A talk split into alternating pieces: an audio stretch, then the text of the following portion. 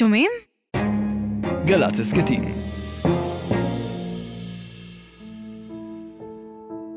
התחקיר, הסכת העיתונות החוקרת של גל"צ ושומרים בהגשת רוני זינגר ועמית תומר.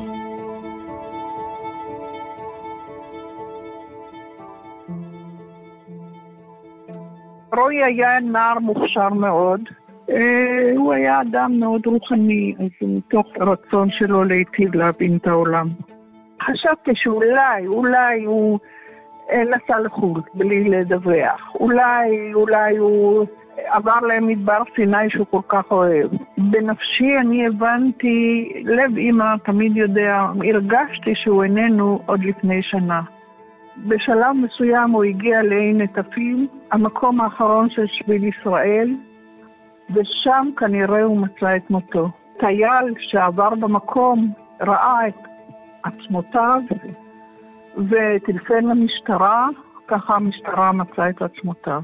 קשה מאוד, אבל אני מתמודדת. התחושות שמתארת רות, אמו של רועי גולדשטיין, זיכרונו לברכה, שהוגדר נעדר במשך שנה, הן התחושות שמלוות בני משפחה רבים של נעדרים.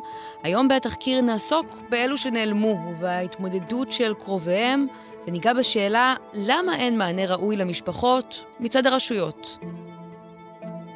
שלום לכם, אתם על התחקיר, הפודקאסט של גלי צה"ל וגוף התחקירים שומרים. אהלן רוני זינגר. שלום עמית תומר. מה שלומך? שלומי מצוין, היום אנחנו עם סיפור מעניין במיוחד. כן, סיפור שיכול לתת בכיף חומר למאות ספרים של הרלן קובן, אבל סיכוי טוב שלא שמעתם עליו.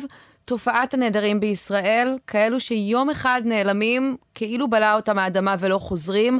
בישראל יש כמעט 600 תיקים פתוחים כאלו, ורוני, כל סיפור הוא עולם ומלואו, ובעבר שלך, ככתבת פלילים, יצא לך להיות עדה ללא מעט כאלה. כן, למעשה כמעט ולא מדווחים על נעדרים כאלה, אבל אני זוכרת את הפעם הזו שהוקפצנו, אנחנו כתבי הפלילים, אחרי שמשאית אה, שעבדה באתר בנייה פרקה חול, ומהחול בצבצה גולגולת. והגולגולת הזאת הקפיצה גם את אנשי המז"פ ואת כל יחידות המשטרה שבאו לבדוק מה המקור שלה, והתברר שאותו קבלן נפר שהמשאית הייתה שלו, קרא חול בצורה לא חוקית מאזור ראשון לציון, שם כנראה נקבר מצא את מותו באופן שלא היה ידוע, אדם שבמשך שנים היה נעדר. אחרי בדיקה שעברה אותה גולגולת, התברר שהיא שייכת לאדם הזה, וזה היה מקרה אחד וואו. ממאות מקרים שכן הגיע לפתרונם, אבל יש כל כך הרבה משפחות שעדיין מחכות לדעת מה קרה לבן משפחה שנעדר. ואם הצירוף מקרים הזה לא היה קורה, בעצם יש מצב שהמשפחה לא הייתה יודעת מה, אפילו אף פעם? שום דבר, האנשים האלה קמים יום אחד בבוקר, הולכים, יושבים במסעדה, קונים סיגריות, ולא חוזרים הביתה. לאן הם הולכים? לאן הם נעלמים? אנחנו מדינה קטנה, איך אפשר להיעלם בכזו קלות, ואיך יכול להיות שהמשטרה לא מצליחה לאתר אותם, ואין שום אות חיים של אנשים שחיים סביבם במשך כל כך הרבה זמן, שמגלים מי האדם האמיתי ו...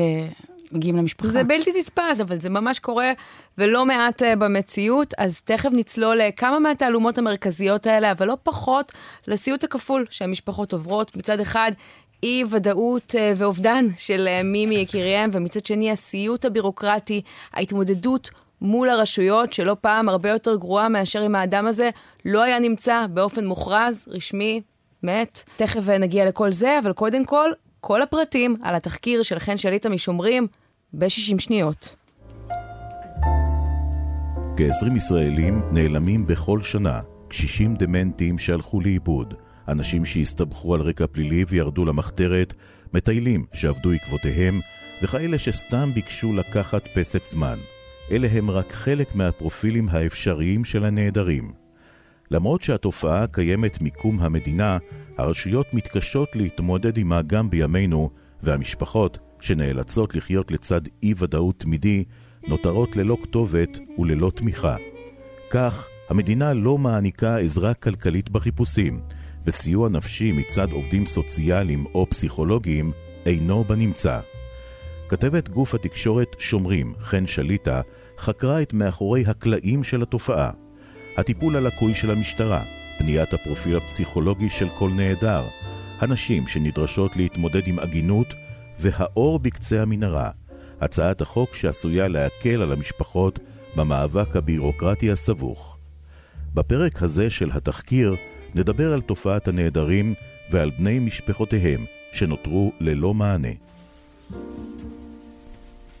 אז חן איתנו באולפן עכשיו, שלום חן. אהלן. ספרי לנו מה הוביל אותך לצלול לתעלומה הזאתי. האמת שזה התחיל מתחקירים שעשיתי בנושא פרטיות. אה, האחרון שבהם היה על מצלמות במרחב הציבורי. והצעתי לעורך שלי כתבת המשך שמראה איך בישראל של היום אי אפשר להיעלם, כי יש סלולרי, ויש לנו כרטיסי אשראי, ויש אה, לפטופים, ויש מצלמות, ובכל... כלומר, מ... אפילו לא הכרת את uh, מאות המקרים האלה, לא. שבהם זה ממש אפשרי, ואז דרך לנסות להוכיח את ההפך, הבנת כמה הבעיה גדולה? בדיוק. אני, האמת שאני ממש הופתעתי כשגיליתי שלא רק שאפשר להיעלם מה שנקרא בסלון, אלא שיש מדי שנה 20 אנשים שפשוט נעלמים ולא נודעו עקבותיהם, ואני לא מדברת על כאלה שנעלמים יום-יומיים, כי יש כאלה משהו כמו 4,500 בשנה, ילד שברח מהבית, אה, כל מיני ברוגזים כאלה. אני מדברת על אנשים שגם אחרי חודשיים ויותר אין להם שום זכר.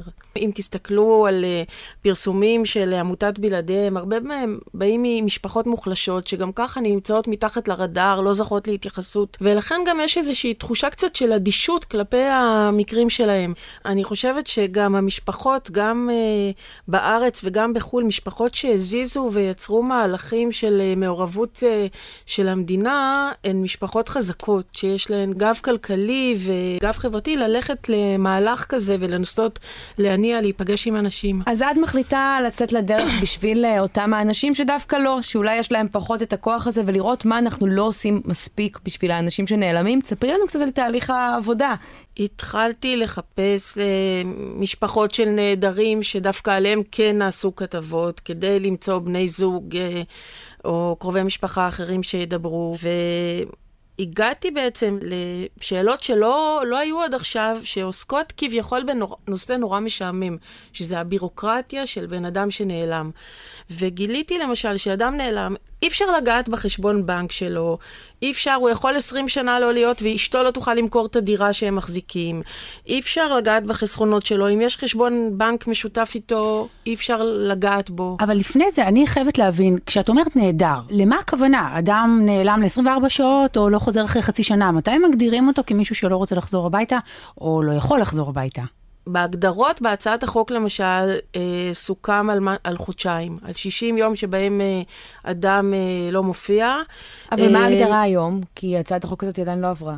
אני חושבת שזה נורא כל מקרה לגופו, כלומר, זה גם חלק מהעניין, שאת באה למשטרה ואת אומרת ליומנאי, אה, אה, הוא לא חזר הביתה, ויש הבדל בין איזה סיפור את מספרת. האם זה טבעי שהבן אדם לא יחזור? האם מספיק שהבן אדם הזה כמה שעות לא יגיע ו- ואתה תגיד, וואו, יש פה, אם זה ילד, אם זה אדם דמנטי, זה... אני חושבת שחלק מהכשל פה הוא שהדברים הם פחות ברורים, נורא תלויים ברצון טוב ושכל ישר, ולא תמיד אנשי מקצוע נמצאים בשעות הראשונות הקריטיות האלה כדי לקבל החלטות אה, נכונות. לפני שאנחנו צוללות קצת יותר להבין את הבירוקרטיה של הנעדר, עולה בי השאלה, האם זה בכלל משהו שתמיד צריך לפתור ולפענח? אדם יכול להחליט שהוא קם בבוקר ו- ומתפוגג לסובבים אותו. יכול להיות שזו זכותו של אדם, הרי זה לא פלילי. כל אחד מאיתנו יכול לקום נכון. בבוקר ולהחליט שהוא לא רוצה יותר ולהיעלם.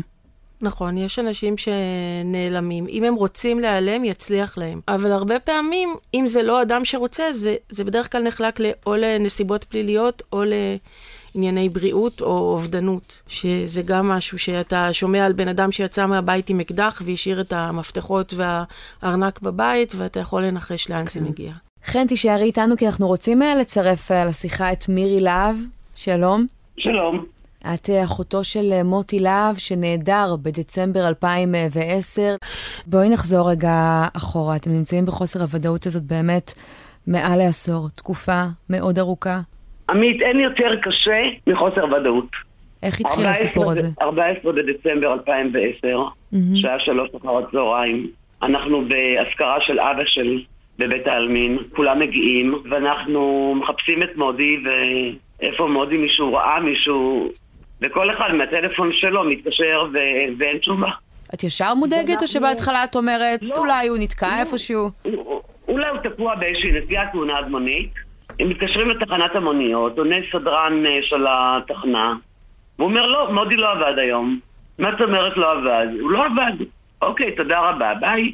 בבוקר אני בדרכי לעבודה, ואני מקבלת טלפון מאותו, מאותו מנהל תחנה שגר בפקיעין, והוא mm. מזכיר מוניות שם לכל מיני נהגים, והוא מתקשר אליי ואומר לי שהבוקר המונית שלו נמצאה נעולה על הכביש הראשי בפקיעין. ורק אז כלומר, נופל לך האסימון שמשהו... אני עדיין לא מבינה כלום. אבל זה בטח מדליק נורת אזהרה. אה, כן, כאילו אני אומרת לו, אני צריכה להבין שאני צריכה ללכת למשטרה, אז הוא אומר לי, לדעתי כן. אמרתי לו, אוקיי. אני מתקשרת לאחותי שרה, ואני אומרת לה, שרה, כך וכך וכך המצב, עוד חצי שעה אנחנו ניפגש בתחנת המשטרה בעכו.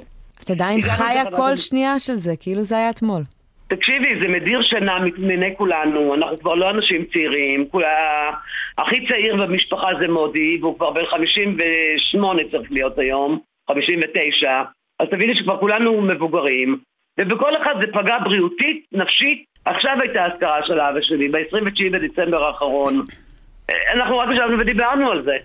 ותגידי, כל אותם שנים נעשות פעולות כדי לנסות ולפענח את התעלומה הזו? לאן הוא נעלם? אני אגיד לך משהו. בהתחלה, באמת, כשפנינו למשטרה, המשטרה די התייחסה בכובד ראש לכל העניין, ובאותו יום הם יצאו לחפש, והם עשו את מה שעשו מבחינתם, וחקרו את אותם אנשים שהתקשרו אליו באותו שבוע, כולל אותי, כולל אה, אנשים מהמשפחה. זה העלה איזה קצה כולל... חוט, חשד, מה קרה לו, אם עשו לו משהו, אם הוא בחר להיעלם. אין לכם שום מושג עד היום. אין להם שום... אין להם שום קצה חוט, הם אומרים לי, ויושב איתי מנהל החקירות ואומר לי, לדעתי הוא העלים את עצמו, אף אחד לא יהרוג אותו. אין סיבה שיהרגו אותו, כולם, כולם אוהבים אותו באמת. בחיים לא קילל, בחיים לא הרים קול. הכל אצלו זה בעדינות וברגישות ו... באמת. ובכל זאת, במהלך השנים אנחנו יודעים שמשפחות אחרות לעיתים מקבלות אולי פתאום איזה בדל של קצה חוט של... יופי, שנה בערך, שנה וחצי, באותה שנה, אה, אנחנו מקבלים אה, טלפון דרך גורם שלישי, שראו אה, את מודי ברחוב ויצמן ליד יחילוב. ואני ישר מגיע לאותו אחד שראה אותו, והוא אומר, כן, אני זוכר, ראיתי את היד עם, עם הסד השחור, ראיתי, הוא נסע ממולי, ואחר כך ראיתי אותו עוד פעם בבני ברק ליד הפלאפל. אנחנו לקחנו את עצמנו וגרנו באזור תל אביב איזה שבועיים. בני ברק, איכילוב, ויצמן, שום דבר. תקשיבי, גם הרבה חוקרים היו בעניין, אבל חוקרים של... אה, כן, כזה... המשפחה, גם אתם, לא רק אה, שמחתם על הרשויות, העסקתם אה, בלשים פרטיים, ניסיתם למצוא אותו באמת בהרבה מאוד אופנים, אני זוכרת. בוודאי, כל מי שאמר לי משהו, כל גיל ששמעתי, ישר קפצתי, ישר רצתי, שילמתי, לא תמיד קיבלתי את התמורה, לפעמים גם עשו לי עוול, כי גרמו לי לחשוב, הנה, מוצאים כבר את מודי, כאילו מצאו אותו דרך כל מיני אפשרויות באינטרנט של... אה, באמריקה. נכנסו, את יודעת, לתעודת זהות, למספר פספורט, mm-hmm. אבל זה לא נכון היה, כי כל מה שזה, בדקתי את זה אחר כך, אבל התקף לב הם כמעט עשו לי כמה פעמים, ברור. כלומר, עדיין הם לא הצליחו להוביל לאיזושהי התפתחות לגבי מה קרה, איך קרה, כלום. לגמרי. אני זוכרת שבמשטרה, כפי שהוא אמר לי שם, מודי נכנס לסטטיסטיקת הנעדרים של מדינת ישראל. זה משפט שזעזע אותי. מה זה הסטטיסטיקה הזאת? פתחתי גוגל לראות מה זה. ואז ראיתי כל כך הרבה נעדרים מאז קום המדינה. אני, אני, אני פשוט לא האמנתי שאני נמצאת במקום כזה, לא, לא האמנתי. כי אם לנו זה קורה, זה יכול לקרות לכל משפחה, לכל אחד, ואת יודעת מה?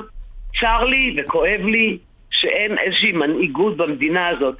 כן, במדינה אבל... הקטנה והיפה שלנו. מירי, אבל עם יד... אנחנו מטפלים בנושא נעדרים, ולא רק נעדרים של, של צבא ההגנה לישראל, יש גם נעדרים של אזרחי מדינת ישראל. ועם יד על הלב, אולי היה, הייתה הקלה גדולה יותר אם הייתם מקבלים הודעה על מותו, מאשר להמתין עם תקווה? חס וחלילה, אני ממש לא רוצה לחשוב, אני ממש לא רוצה לחשוב על זה, אבל יחד עם זה, אני רוצה לדעת מה איתו. כל זמן שלא מצאו אותו, בשבילי הוא חי. אבל עוברים לי, עוברים לי סרטים, בלילה במיוחד, בשינה, בשתיים, בשלוש לפנות בוקר, שאני עדיין לא נרדמת, עוברים לי סרטים. אני לא משתפת אף אחד עם, ה, עם התחושות האלה שלי. אבל החליטה לי למה זה, למה הוא שם את זה בפקיעין. אז אני עונה לעצמי, כי הוא גר בפקיעין, הבעל הבית. Mm. אבל כן, למה על הכביש הראשי ולא צמוד אליו הביתה? אולי כי הוא ניסה לברוח, אולי הוא כי ניסה להעלים את עצמו, אולי כי הוא היה עם מישהו, עם שני אנשים שתפסו אותו בצוואר, אני לא יודעת מה. כל כך הרבה סימני שאלה, ואין כל תשובות. כל הסימני שאלה. אבל אני מבקשת, תצעקו את הצעקה שלנו. אתם התקשורת, אתם נהדרים כשאתם רוצים ואתם עושים אחלה של עבודות. אני רוצה למצוא את מודי. יש לנו, חוץ מהמשטרה, יש לנו גוף שנקרא שב"כ. יש לנו גוף שנקרא מוסד. הם הרבה יותר מתוחכמים, הם הרבה יותר, יש להם הרבה יותר כלים מאשר לי ולמשטרה ולכל מקום אחר. שיעשו משהו. כן. מירי, תודה אני לא רבה. יכולה למות ולדעת שאני לא יודעת איפה מודי. את צודקת, ואנחנו רק אה, באמת מצטרפים לקריאה שלך ומאחלים שהסיפור הזה יסתיים אה, אחרת. בשבילנו את הצעקה. תצעקו בשבילנו את הצעקה, בבקשה. בשביל זה אנחנו פה. תודה. אני מודה לך, שיהיה לך יום טוב. וכן, בואי נדבר על מה שמירי כינתה אותו הסטטיסטיקה של הנעדרים, כי הסיפור הזה הוא סיפור אחד שממחיש התמודדות של הרבה מאוד משפחות. נכון, יש אה, 20 כאלה בשנה, יש כיום כ-580 משפחות של נעדרים אה, מאז קום המדינה שעדיין מחכות, עדיין אין להן תשובה.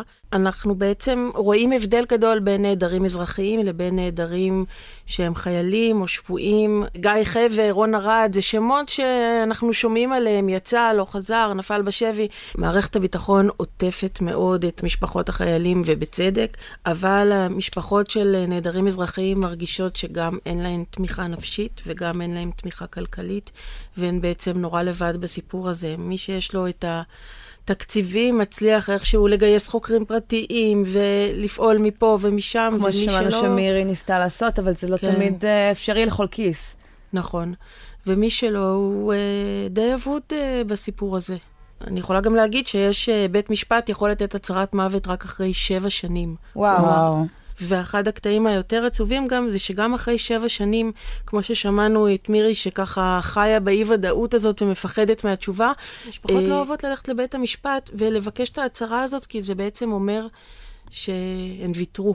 התקווה, אה, שביבי האחרונים כבר אה, לא איתנו, אבל באמת, אה, תספרי, אין היום שום אה, תמיכה, אה, נוהל מסודר למה עושים כשאדם אה, נעדר מבחינת הרשויות? זה כל אחת מפנה לשני, יש כאן אה, לפעמים דברים נורא נורא אבסורדים כאלה, שכל אה, רשות שולחת אותך לשני וכל דבר, אין שום גוף מאחד. מה שבעצם אה, רוצים היום לקדם זה שתהיה איזושהי ועדה שהמשפחה תבוא אליה ותעזור, והיא תעזור להם לעשות סדר בדברים האלה. אני רוצה רגע לחדד, כי, כי המצב הוא אבסורדי. אדם, מישהו נגיד, חלילה, מישהו מהמשפחה שלי נעלם, ואני לא מוצאת אותו, ולא מוצאים אותו ועבר הרבה מאוד זמן, אבל עדיין יש לו תשלומים שהוא משלם, נכון. ואני לא יכולה לעצור אותם. הם ממשיכים אה, לרדת. והם ממשיך, הם ממשיכים לרדת. מה, אין לי לאן ללכת ולומר, האיש נהדר, ייצרו את גביית התשלומים הזו? זה הזוי, כי את מתקשרת נגיד לנתק אותו מה, מהאינטרנט. אז אומרים לך, סבבה, תעלי אותו על הקו, אבל רק הוא יכול לתת את הסיסמה. כי או שאת לא יודעת אותה, או שהם גם רוצים להתקשר אליו ולעשות שיחת ועידה, ואין עם מי. כלומר, המדינה היום, המדינה לא מכירה בנעדר ככל שמדובר בחובות שהוא אמור לשלם לה. אה, הכספים שהיא גובה לא נעצרים לא, ביטוח במשך שנים. בריאות לא נעצר, ויש משכנתה נגיד, שאם אתה נפטר, אז ביטוח החיים שלך מכסה את המשכנתה, ופה המשכנתה ממשיכה לרדת. ואני נתקלתי בסיפור של שני בני נוער שיצאו לצאת לעבוד, לכסות המשכנתה של אימא שלהם, הייתה חד-הורית, ונעלמה יום אחד. ונאלצו להמשיך כן, ולממן את כדי- המשכנתה, כדי- כי... כדי לחיות בדירה שהם גרים בה. משום שהבנק לא קיבל את התשובה, כן. אמא נעלמה? בדיוק. אז חן, בואי נצרף אלינו את uh, מי שככה, בהיעדר אה, מענה הולם מהרשויות כיום, מנסה לסייע וללוות את המשפחות, כי היא גם מכירה את זה ברמה האישית. ורדה מינביצקי, מייסדת עמותת uh, בלעדיהם. שלום. שלום, מה שלומכם? אה, אה, בעלי הוא יושב ראש של העמותה, יהושע מניביצקי, שוקי מניביצקי, ואנחנו ייסדנו את העמותה, כן. ואתם אה, ייסדתם את העמותה אחרי שהבן שלכם, דניאל, נעדר מ-2014.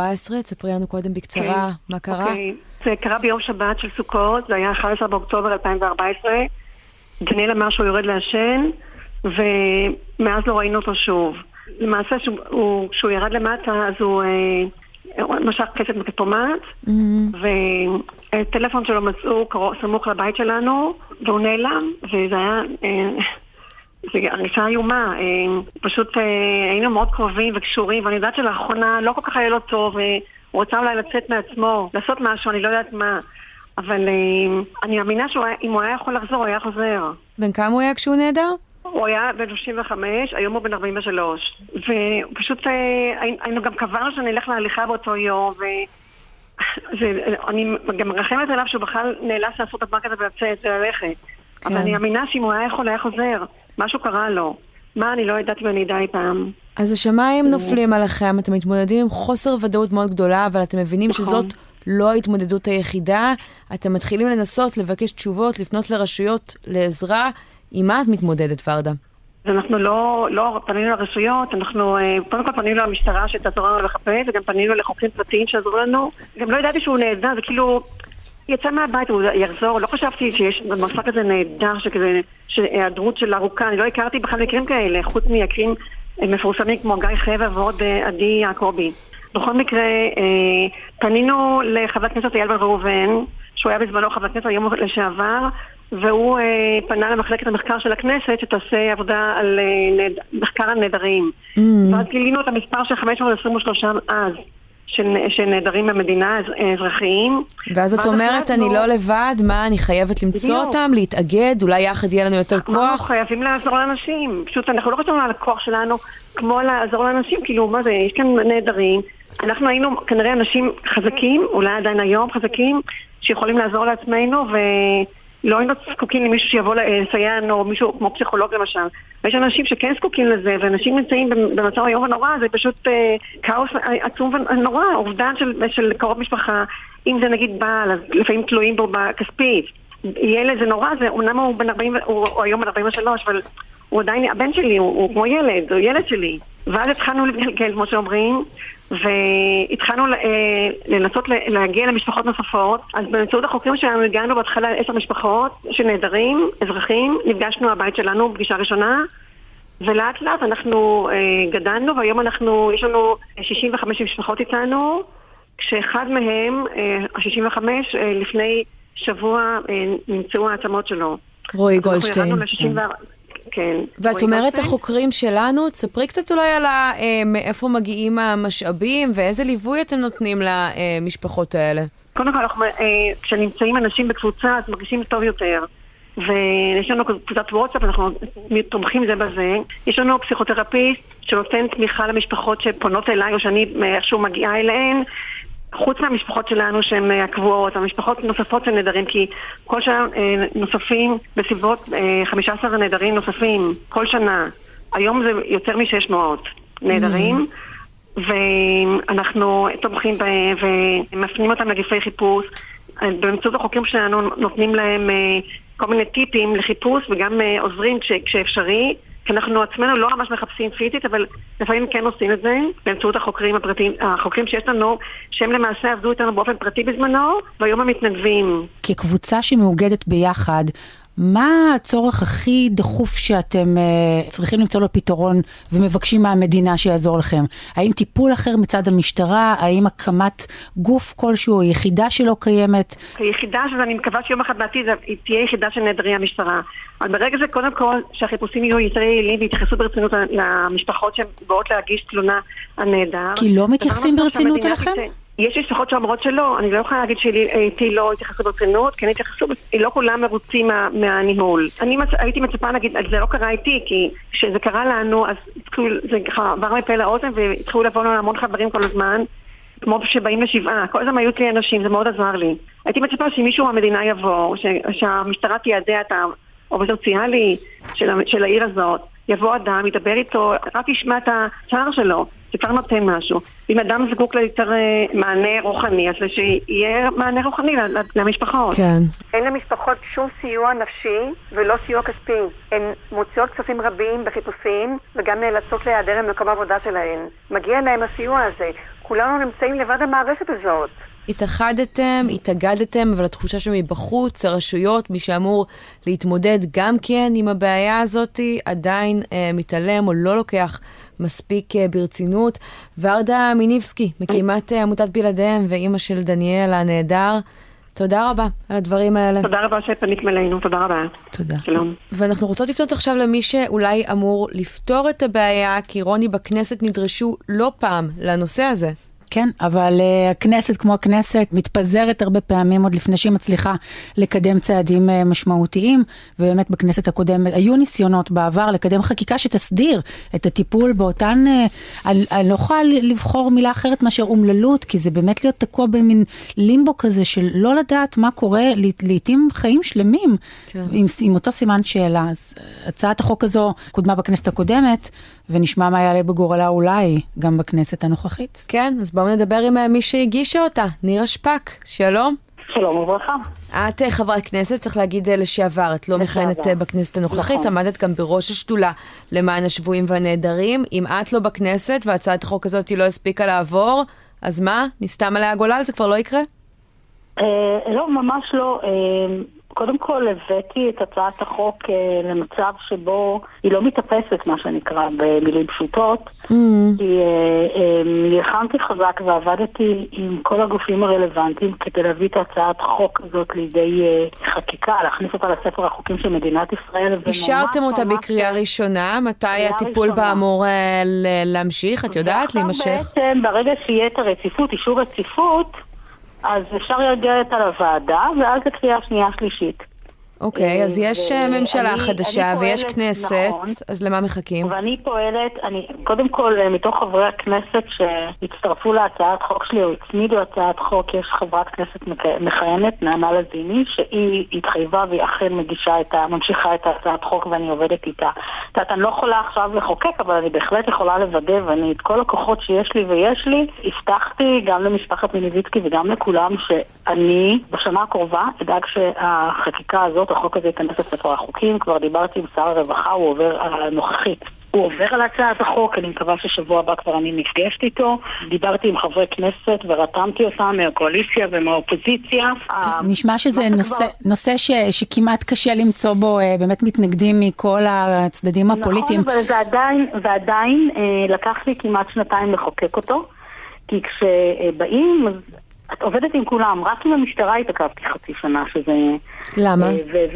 אה, כי הם לראות שלא מפילים עליהם אחריות שלא שלהם, ועם האפוטרופוס הראשי את צריכה לשבת ולראות שאם יש שם דברים שלא, את יודעת, את צריכה לייצג את הכל. אולי מישהו אה, הלך ולא רוצה והוא חי ופשוט מנתק קשר, ועכשיו מה תגיעי לו בכסף שלו, בבית שלו, בחשבון בנק שלו, זה, זה מורכב, זה מורכב. למה? למרות שאם מישהו ממשיך אה, למשוך כסף או להשתמש ברכוש שלו והמשטרה לא, חוקרת, אנחנו כנראה נדע שנעדר לא, הוא לא, הוא בחר להיעלם. גם אני, גם אני אמרתי את מה שאמרת, וכשישבתי עם האפוטרופוס הראשי והיא יושבת ולומדת החקיקה של זה, ומה מותר ומה אסור, זה, זה מאוד מורכב ועברנו את זה, והשלב הבא היה לתקנן. מבינה את האבסורד שמאז קום המדינה אין גוף במדינת ישראל שאחראי על, האזר... על הנעדרים האזרחיים, על הצבאיים, על הביטחוניים, כולם שומעים, כולם יודעים. אז את אומרת לא בעצם... לא אז קודם כל, שר הרווחה הקודם, אה, מאיר כהן, אישר אצלו גוף אה, תקנון לאברה, מה שנקרא, למישהו שידע, שיהיה הכתובת. הרכבנו הרכב ועדה, תקציב לדבר הזה, הרי כל דבר כזה עולה כסף. סיכמתי עם שר האוצר ושר הרווחה מצ'ינג של חצי-חצי במימון של זה. זאת אומרת, את כל העבודה כבר עשיתי. כל זה אמור לקרות ש... במסגרת הצעת החוק? זה השינוי שאמור להיעשות? זה הצעת חוק היא תקציבית, היא לא רק uh, להגיד, את מבינה? אז בעצם את כל הדברים האלה עברנו, ואני לא רוצה שיקחו את זה אחורה. בגלל זה אני עוברת לכל הגופים שעכשיו במשרדים הרלוונטיים, ודואגת לתפור את ההסכמות הקודמות. ויחד עם uh, נעמה, uh, שהיא בעצם שם והיא יכולה uh, להמשיך את זה, כי אני כבר לא מחוקקת, אני אדאג, ויחד עם uh, חברת הכנסת נעמה לזימי, רק נגיד. נכון. Uh, נירה, מה ההצעה עוד עומדת לקבוע? למשל, אמור להיות איזשהו משך שאחריו בן אדם יוגדר נהדר והנהלים לגביו ישתנו, נכון? יש שאלות שאין להן שורה בחוק או שורה בתקנה, וההצעה הזאת מדברת על ועדה. שתהיה בראשות שר הרווחה, שהיא מורכבת מנציגי כל המשרדים הרלוונטיים, וכל נושא שלא יהיה לו מענה, או שיינתן לגביו החלטה, או שייכתב לגביו תקנה, או, ש... או שיהיה חקיקה. כי אתה יודע, זה הדברים, וכן, סוף סוף תהיה כתובת. וסוף סוף יקבלו מענה, כי היום מה קורה? היום עמותת בלעדיהם בעצם אוספת את כל אלה ש... לצערנו מצטרפים למעגל הזה ומלווה אותם, אפילו מהקטע הרגשי. אחד הדברים שהתעקשתי להכניס לחוק הזה זה הנושא הרגשי, זאת אומרת שיהיה מי שיטפל בהם. אנחנו יודעים, אני גרה בעוטף עזה, אז יש לנו את מרכזי החוסן לטפל, נכון? בטראומה. אה, אה, יש לך את השכול, יש לך את הכל, ולהם אין מענה, אין סל מענה.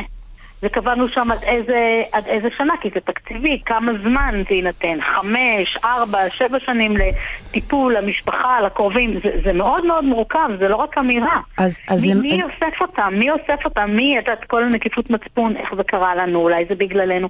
כל הדברים האלה צריכים לקבל מענה נפשי. אז למעשה הוועדה הזו נותנת אה, פתרון למשפחות, אבל היא לא, מב... היא לא מנסה לשנות uh, סדרי טיפול uh, בגופי, ה... נגיד במשטרה או ביחידת... בוודאי שכן, בוודאי שכן. השנתיים האלה זה בדיוק מה שעשינו. סיכמנו עם המשטרה, סיכמנו עם משרד המשפטים, סיכמנו עם האפוטרופוס הכללי, עם, עם אגף תקציבים באוצר, עם משרד הרווחה, זה, זה עבודה מורכבת. אני מקווה שתלוו אותנו כשנגיע ל, לוועדה לפני קריאה שנייה ושלישית, ושם באמת, אני חושבת שגם... לעיתונאים יש את האמירה לבוא ולהגיד, לשאול שאלות, מדינת ישראל, האזרחים בהחלט, ולראיה התחקיר הרחב של חן שליטה, שאני בטוחה שתמשיך נכון, לעקוב אחרי הנושא נכון, הזה. נכון. נירה שפק, חברת הכנסת לשעבר, ולשעבר גם יושב ראש השדולה למען השבויים והנעדרים, תודה רבה על הדברים האלה. בבקשה, תודה. תודה. את יודעת, אחד הקליפים שאני זוכרת אה, שצפיתי בהם הכי הרבה בעבר, אני מדברת 20 שנה אחורה בערך, היה אותה, אותו קליפ של השיר uh, Runway Train, שבו נראו קרטוני חלב, ועליהם תמונות אמיתיות של ילדים נהדרים אמריקאים. Mm. ככה בעצם מפיצים בארצות הברית את, ה, את, את תמונותיהם של ילדים uh, שהלכו לאיבוד. אלה תמיד ילדים, לא מבוגרים. בתקווה שאולי מישהו בקצה השני של המדינה ראה את הילד ויוכל לאתר אותו.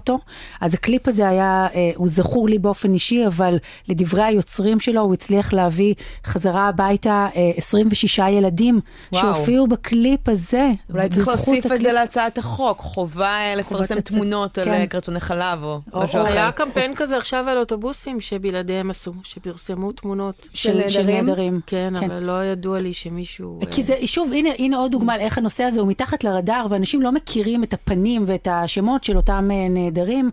אז, אז הקליפ הזה עשה באמת באמת מלאכה מדהימה, ומעבר לכל מדובר בשיר מדהים. בואו נשמע.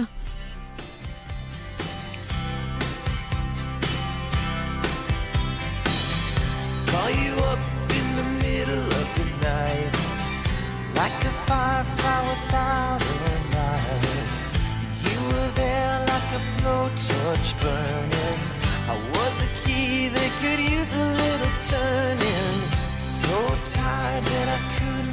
sleep. So many secrets I couldn't keep. I promised myself I wouldn't weep. But one more promise I couldn't keep. It seems no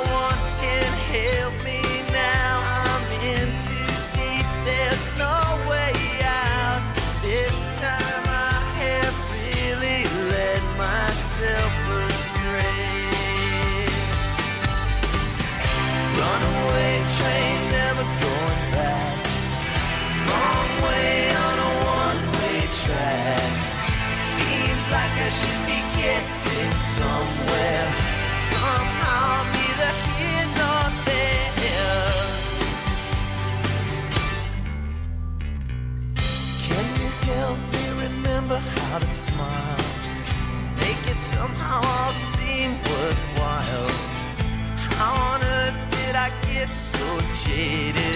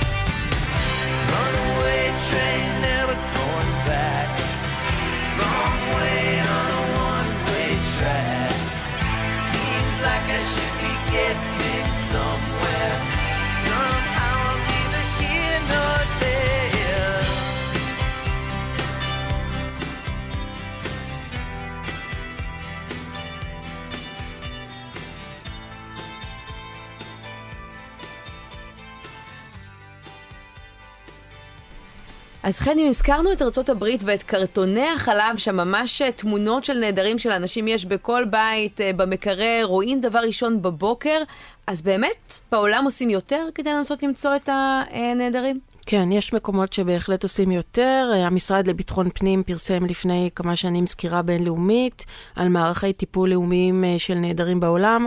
באוסטרליה, למשל, הוקם מרכז לאומי לטיפול בנעדרים, שהוא פועל בתיאום עם המשטרה. הוא עושה גם במניעה, בחינוך, בהעלאת מודעות ציבורית לנושא, הוא נותן תמיכה רגשית ומשפטית למשפחות. וזה נראה הרבה יותר טוב כשיש כזה דבר לצדך. בבריטניה, שם נעלמים כאלפיים 500 איש מדי שנה לטווח זמן של שנה ומעלה. הוקם משרד לאומי לטיפול בנעדרים שמייעץ למשטרה, הוא מתאם העברת מידע בבריטניה ומחוצה לה, הוא מפיץ לציבור מידע בנושא. אפשר לעשות יותר. כן, ונשמע שאנחנו ממש גם מסתכלים על המודלים האלה ומנסים לעשות את אותו דבר מהצעת החוק למשל ששמענו עליה, פשוט צריך אה, ליישם, ועד שזה יקרה, התיקים הולכים ומצטברים על שולחנה של המשטרה. עוד ועוד נעדרים, סיפורים יותר מוכרים ופחות מוכרים. כן. בואו נזכר במקרים ששמענו לאורך השנים, ולכולם עדיין אין סוף לסיפור. פרשת ההיעלמות של עדי יעקבי והחיפושים אחריה זכו לכיסוי נרחב מאוד בתקשורת, ובכל זאת לא הגיע שום מידע שיכול לשפוך אור על התעלומה. אני פונה לעדי, ורוצה להגיד לה שכולנו אוהבים אותה, ואמא ואבא מחכים לה, ושתבוא מהר הביתה. אומרים שהזמן עושה את שלו, שלי זה הזמן עושה יותר קשה. אם הבת שלי הייתה חיילת, כבר היה גם הצבא, גם אה, כל העולם, אבל לא יש לי את המשטרה וזהו, אין לי אף אחד. בחודש נובמבר 1994, אלכסנדרה ברנדט יצאה מבית הספר שבו למדה ברמת גן וחיכתה לאחותה הקטנה כדי ללכת יחד הביתה. כשהאחות הגיעה, אלכסנדרה לא הייתה שם, ומאז איש אינו יודע. מעלה בגורלה. חיכינו עד שעה ארבע, ואחרי זה התחלנו לחפש אותה לבד, ובלי שום מחשבות שמשהו קרה. אין דבר יותר נוראי מחוסר ודאות, חוסר ידיעה. ניחא לדעת שיש לך קבר לבכות עליו, שהילד מת, אתה יודע שהוא ישן בשקט. לא יודעת, זו הרגשה כזאת שהיא כן נמצאת איפשהו, האישות של בן אדם פה.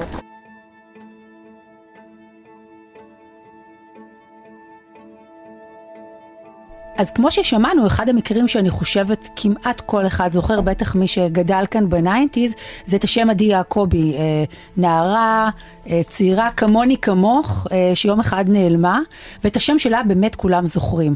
אבל מה עם אותם 600 אחרים שאיש כמעט לא זוכר את שמם? למה דווקא אותה אנחנו זוכרים? אז זהו, יש את מה שנקרא תסמונת הנערה הלבנה הנהדרת. זה מונח אמריקאי שהוא מדבר על נערה לבנה ממעמד בינוני גבוה שנעלמת יום אחד והופכת לשיחת היום. ואם זה קרה לה, זה יכול לקרות לכולנו. כי זה בדיוק הסיפור של בת השכן שמתכווץ לנו הלב כשאנחנו שומעים על ההיעדרות שלה. אלה המקרים שגם מייצרים סיפור שאתה רואה, אתה מתרגש. אנשים שהם משכבות מוחלשות, אנשים שהם גם ככה ביומיום מתחת לרדאר, שאתה לפעמים שווה נפש שלהם כשהם עוברים לידך ברחוב, אתה גם הרבה פחות מתרגש, למרבה הצער, כשהם נהדרים. מקרים כמו מה, למשל? קשישים דמנטיים, אה, דיברתי עם, אה, עם פרופילאית שעוזרת למשטרה והיא אמרה, כשאתם, כשאימא עם ילד הולכת ברחוב ורואה את הקשיש הדמנטי שממלמל לעצמו, היא, היא תיקח את הילד שלה ותגיד בוא נלך מפה, כי, כי זה לא נעים, היא לא תלך ותשאל אותו, סליחה אדוני, אולי אתה צריך עזרה. ובדיוק הדברים האלה בסוף יכולים להביא להיעלמויות. כן, גם מתמודדי נפש אה, ואנשים נכון. מאוכלוסיות מוחלשות. יוצאי דופן הם כמובן מקרי הילדים, כי כשמדובר בילד נהדר, ואין רבים כאלה, כאלה בישראל, יש לומר, אבל אנחנו זוכרים את השמות שלהם, כן, נגיד אלכסנדרה ברנדט, ילדה שנעלמה יום אחד בדרכה מבית הספר. זה שם שזוכרים לצד אותם אה, מקרים של אה, נשים וגברים אה, ממעמד גבוה ועונים נכון. להגדרת תסמונת הנערה הלבנה. השכבות המוחלשות, ברגע שזה קורה שם, יש איזו תחושה שהם הביאו את זה על עצמם. שהם בטח חצי עבריינים, שהם בטח משהו שהם לא בסדר. הילדים, אתה, אתה אומר, לא, לא יכול להיות. זה כאן בטוח, יש כאן טרגדיה. כן.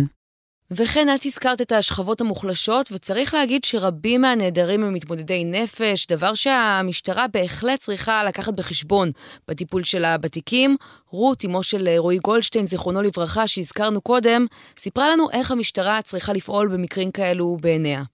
המשטרה עשתה ככל יכולתה, אני מבינה. אבל אם היה שוטר מיומן שמרגיש שהנעדר הזה הוא לא נעדר, לא חטפו אותו, לא רצו להמית אותו, משהו כזה, אלא הוא נעדר בגלל סיבות נפשיות. להתייחס לדבר הזה הרבה יותר ברצינות ובהסקת מסקנות, ולא להניח להם להסתובב בכל המקומות ולהיות אבודים. הרבה יותר תשומת לב והרבה יותר אפשרויות לקשר אותם לעובדת סוציאלית, לכל הארגונים שמסוגלים לטפל באנשים כאלה. אז בואו אה, נדבר בעניין הזה עם אה, רפ"ק אריאל גד סער, ראש חוליית נעדרים במשטרה. הוא איתנו עכשיו, אה, שלום.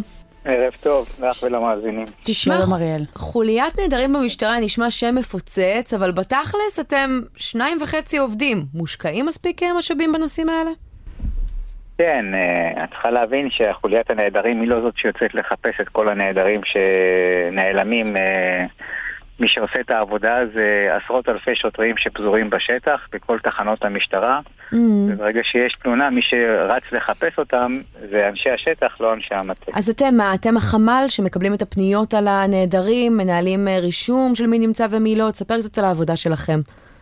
אנחנו, אה, בעבודת המטה, אנחנו מנסים לסייע לשטח, להקל על העבודה שלהם, אה, ליצור להם ממשקים עם גורמים שיוכלו לתת להם נתונים בזמן אמת, כמו נתונים מרב-קו או כרטיסי אשראי או דברים כאלה. כל החסמים שיש, אנחנו מנסים כמטה לנסות לפתור אותם. אנחנו עושים בקרות, אנחנו עוקבים אחרי התיקים. ברגע שיש תיקים של נעדרים ש... מתארך הזמן uh, של המציאה שלהם, אז אנחנו מנסים להשתתף בסטטוסים שנערכים.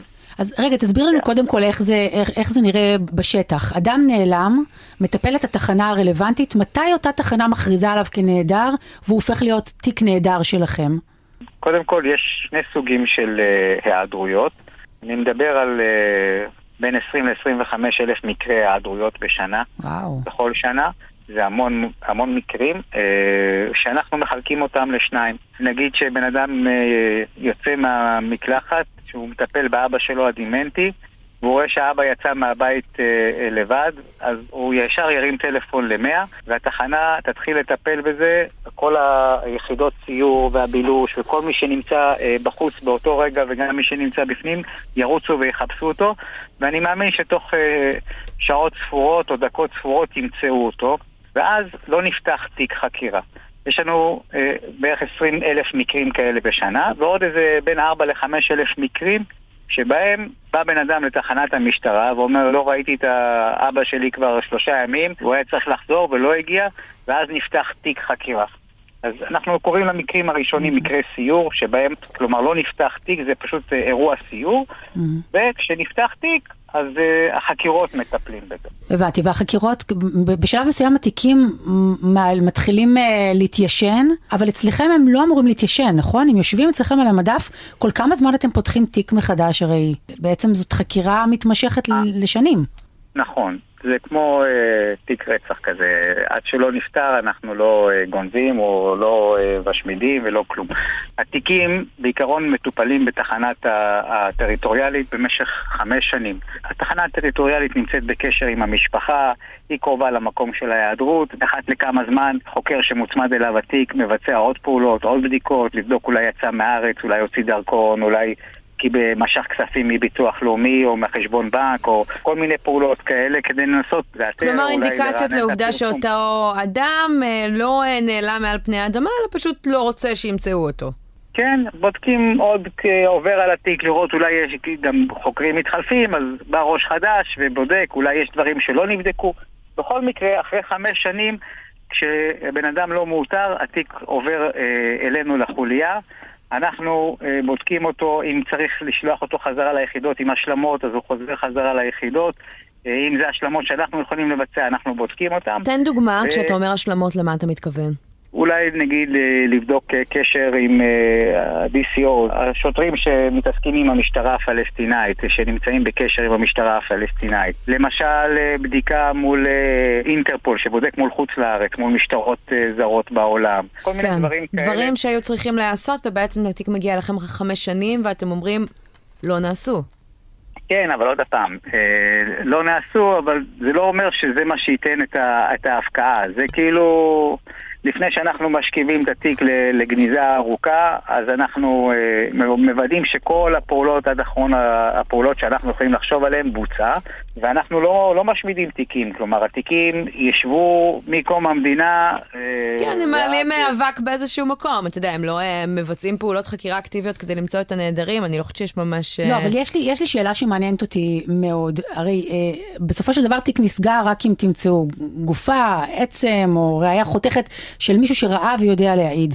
אבל כמה פעמים אתה יודע לומר לי, או כמה אחוז מהתיקים שיושבים אצלך, אתה יודע לומר לי, מידע מודיעיני די ודאי מסביר לנו מה קרה עם האנשים האלה, אני פשוט לא יכול להגיד את זה למשפחות, אז אני לא סוגר את התיק. תראי, זה בדרך כלל קורה במגזר העברייני. העבריינים אה, הרבה פעמים אה, דואגים להעלים אה, בן אדם. המודיעין שלנו שמאוד מאוד מכסה את כל התחום העברייני, יודע לבוא ולהגיד שהבן אדם הזה לא בין החיים. אנחנו במקרים כאלה פותחים גם תיק נעדר וגם תיק רצח או, או חשד לרצח. Mm-hmm. ופועלים בשני המישורים. רוב הנעדרים האחרים זה לא אנשים שמכוסים מודיעינית על ידי המשטרה, כי המשטרה מתעסקת בעיקר בעבירות פליליות, ולהיות נעדר זה לא עבירה פלילית. יש אנשים שקמים ו- ועוזבים את הבית מסיבות כאלה ואחרות, וכשאנחנו מאתרים אותם, הם לא רוצים קשר עם הבית. אני אומר, אני בן אדם מבוגר, אני בן אדם בריא, ברוחי ובנפשי, אני לא רוצה קשר עם הבית, תרדו ממני, תודה רבה. במקרה כזה אתם גם לא מוסרים מידע למשפחות, שהוא בסדר אבל לא מעוניין בקשר? אנחנו, זה בדיוק מה שאנחנו נמסור, אנחנו נמסור mm-hmm. שהוא בסדר, שהוא נמצא והוא לא מעוניין בקשר. כן. תגיד, אבל אני חייבת לשאול, כי אלה, אלה מקרים שאני סיקרתי בעצמי. כן. עדי יעקבי, אלכסנדרה כן. ברנדט. קרה כן. משהו חדש בשנים האחרונות שאתה יכול לספר לנו, או בתקופה האחרונה, או מידע מודיעיני ש... שקידם אתכם והבנתם שהתיק הזה נמצא במקום אחר? אני יכול להגיד לך שאנחנו אה, לא יורדים מהתיקים האלה. אנחנו נמצאים בקשר עם הקרובי משפחה שנמצאים פה בארץ. אנחנו מנסים לבצע כל הזמן בדיקות, מנסים אה, לחשוב מחוץ לקופסה. גייסנו באותה להיטות של, של השנים הראשונות? זה לא עניין של להיטות, זה לא שיש לך איזשהו עוגן לאיפה ללכת לחפש ו- ו- וללכת לחפש. תחשבי ש... ככל שעובר הזמן מהרגע שהבן אדם נעדר, הסיכוי, הסיכויים יורדים אה, אה, בצורה ממש דרסטית, אה, הסיכויים למצוא אותו. כשאתה אומר זמן אומרת, אגב, סטטיסטית, אחרי כמה זמן אנחנו מדברים על פרק הזמן שבו הסיכויים אה, יורדים משמעותית? 48 שעות. Mm, mm, וואו. ממש ברמה הזאת. לא, זה לא בדיוק ככה. אני יכול להראות לכם את הסטטיסטיקה, אבל תחשבו שרוב רובם של האנשים נמצאים תוך 12 אה, עד 24 שעות. זה משהו כמו 90 אחוז. עוד איזה 3-4 אחוזים בין 24 ל-48, עוד 3 אחוזים בין 48 ל-72, ועוד 2-3 אחוזים מעל, בין 72 לשבוע. ועשיריות בודדות של אחוזים נמצאים uh, מעל שבוע. כלומר, אתם צריכים להבין שבדרך כלל רוב הנעדרים נמצאים. בכל שנה מתווספים בסביבות עשרה אנשים לרשימת הנעדרים שלא אותרו. עשרה אנשים מתוך 25 אלף איש. אתם צריכים להבין שכל תחנת משטרה ברגע שיש לה נעדר, עוזבת את הכל. הסיירים, הבלשים, המש"קים, כל מי שנמצא עוזב הכל, מתנדבים, אה, יחידות חילוץ, כל מי שיכול, קב"טים, בודקים בבתי חולים, עושים הכל כדי למצוא את הנעדר. זה נמצא בראש סדר העדיפויות. ולא סתם אנחנו מגיעים למצב של עשרה אנשים אה, פלוס מינוס בשנה שאנחנו לא מצליחים לאתר. במילים אחרות אתה אומר, מי שלא מצאנו תוך שבוע, הסיכויים שנמצא אותו אחרי כבר מזעריים. נכון. Mm. ו- ומה שקורה זה, זה לא שאנחנו לא מוצאים. זה דבר מאוד קשה, זאת נראית לי עבודה מאוד קשה, זה כמו להילחם בתחנות רוח קצת. יש לפעמים פתרונות לתעלומות, אבל לא תמיד. גופה של uh, בחור שנעדר בערך שנה uh, מאזור הרצליה. שוברי uh, על ידי מטייל, על ידי מטייל באזור אילת. באיתור של הבחור הזה הושקעו עשרות רבות של שעות, אם לא מאות של שעות, אה, אה, עשרות מתנדבים הגיעו, סרקו את כל האזורים, שם יחידות חילוץ, כלבנים, אתם לא מבינים כמה השקיעו ולא מצאו.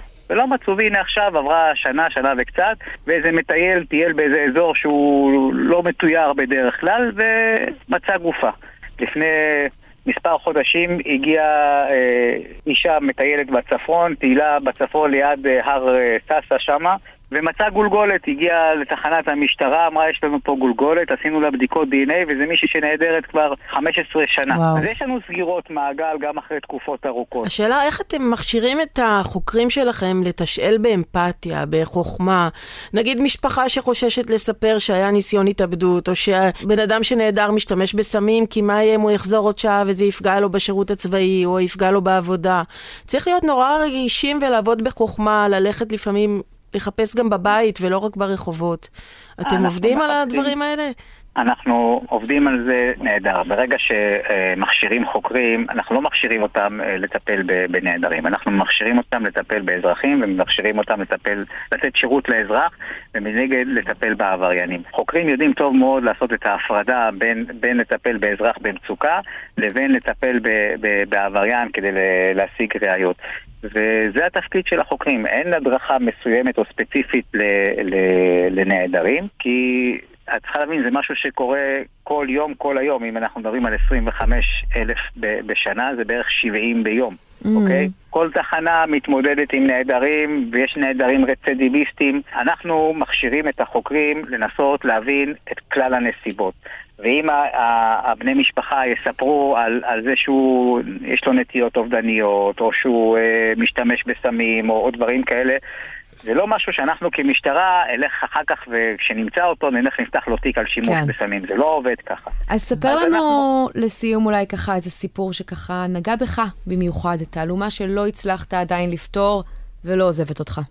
זה הקטין הזה, מושיק קליינרמן. אני מרגע שנכנסתי לתפקיד, זה שבועיים לפני שאני נכנסתי לתפקיד הוא כבר נעלם, שכבר ידעתי שאני הולך לקבל את התפקיד, כבר אה, הודיעו על ההיעלמות שלו, ההודעה באה באיחור אה, אה, של אה, מספר לא מבוטל של ימים, וזה הקשה מאוד על החיפושים, כי אין לנו עוגנים ללכת ולחפש אותו, בלי פלאפון, בלי רב-קו, בלי כסף, בקטין. זה קשה מאוד. אנחנו במשטרה עד היום משקיעים מאמצים מאוד מאוד גדולים כדי למצוא אותו. אתה מעריך שעוד אפשר? שעוד יש סיכוי? תמיד יש סיכוי, אנחנו אף פעם לא מרימים ידיים, אנחנו משטרה, לא מרימים ידיים. אבל uh, השאלה היא אם למצוא אותו חי או מת, כאילו, uh, כי נבדקים הרבה מאוד כיוונים, uh, וקשה מאוד להעריך, קשה, אני לא יודע לבוא ולהגיד היום אם הוא חי או מת. בהחלט. Mm, אז עוד תעלומה אחת מיני רבות שכרגע פתוחה. רפ"ק אריאל גד סער, ראש חוליית נדרים במשטרה, תודה רבה. תודה. ששוחחת איתנו. תודה רבה לך. ואנחנו מתקרבות לסיום. רוני, מה ככה הכי בלט לך, מה שאת לוקחת איתך מכל מה ששמענו? אני מחלקת את זה לשניים, כי מצד אחד, אה, האי הוודאות, כמו שגם מירי פתחה את השיחה ודיברה, היא באמת היא אדירה. יש לפעמים אה, תחושת הקלה מסוימת, אולי שאלתי את זה בצורה כמעט לא אמפתית, אבל תחושת הקלה כשיש אה, סיום לסיפור, מאשר להמתין 20-30 שנה, ובינתיים המשפחה מזדקנת, ולא לדעת מה קרה לאיש, ואולי הוא חי בכלל בעיר ליד, בישיבה כלשהי או נעלם. מצד שני, אנשים מבוגרים מותר להם ללכת, להיעלם, זה לא פלילי. זו לא עבירה. המשטרה עוסקת בזה, אבל למעשה לא מדובר בפענוח של uh, פעילות עבריינית. אני מכירה אישית אדם שבחר יום אחד להיעלם uh, באירופה וביקש מהמשפחה... פשוט לקום וללכת מכולם? כן, לא ליצור איתו קשר. הוא, הוא לא הודיע, הוא, הוא נעלם לתקופה מאוד ארוכה. Mm. העסיקו בלשים, אנשים הגיעו אליו, הוא אמר, אני פשוט לא רוצה לראות אתכם יותר. וואו. כואב ככל שיהיה, גם כאלה אנשים יש בעולם. כן, ולפחות יש ודאות שגם היא משהו. נכון. תשמעי, אני uh, לוקחת מכל הסיפור הזה את התקווה. אני מקווה שאני לא אופטימית מדי, אבל אמרה לנו נירה שפק. כן. ואחרי תקופה שבאמת uh, ראינו ככה את הנושא הזה נסחב מכנסת לכנסת, לא מצליח להגיע למיצוי. אני חושבת שגם העובדה שיש פה באמת פעם ראשונה את הרציפות, הצעה שכבר אושרה לקריאה ראשונה, ולא צריך לחכות עכשיו חודשים שהיא תונח בעוד איזה הליך בירוקרטי על שולחן הכנסת, וגם uh, ככה באמת שיש כאן uh, ממשלה שכנראה תימשך uh, יותר שנים, לא נראה בחירות פה כל כך מהר כמו שראינו בשנים האחרונות, כמו שזה נראה כרגע, יש סיכוי שימצו את התהליך הזה וייתנו למשפחות לפחות להתמודד באמת רק עם חוסר הוודאות ועם הסיפור הכל כך קשה כן. של כל אחת מהן, ולא עם כל המסביב ומול כולם. כן. אז אנחנו uh, סיימנו. נגיד תודה לראש מחלקת uh, גל"צ הסכתים, הדר פרנקלטל, לעורך ישי חסקי, המפיקה הייתה נועה ברקאי, בביצוע הטכני נדב דור ומיכל כהן. תודה גדולה גם למנכ"לית שומרים אלונה וינוגרד, ולעורך הראשי של שומרים, אייל אברהמי, וכמובן לך, תודה, חן שליטה, על השיחה הזאת ועל התחקיר הנהדר הזה, שאני בטוחה שעוד יהיו בו עדכונים והתפתחויות. תודה רבה, עמית. תודה, רוני. תודה.